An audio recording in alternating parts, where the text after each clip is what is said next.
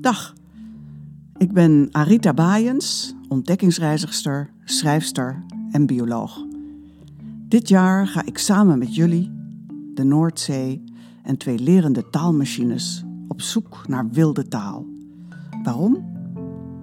Omdat ik op mijn reizen ontdekte dat natuur overal tot mensen spreekt, behalve in Nederland. Neem de Noordzee.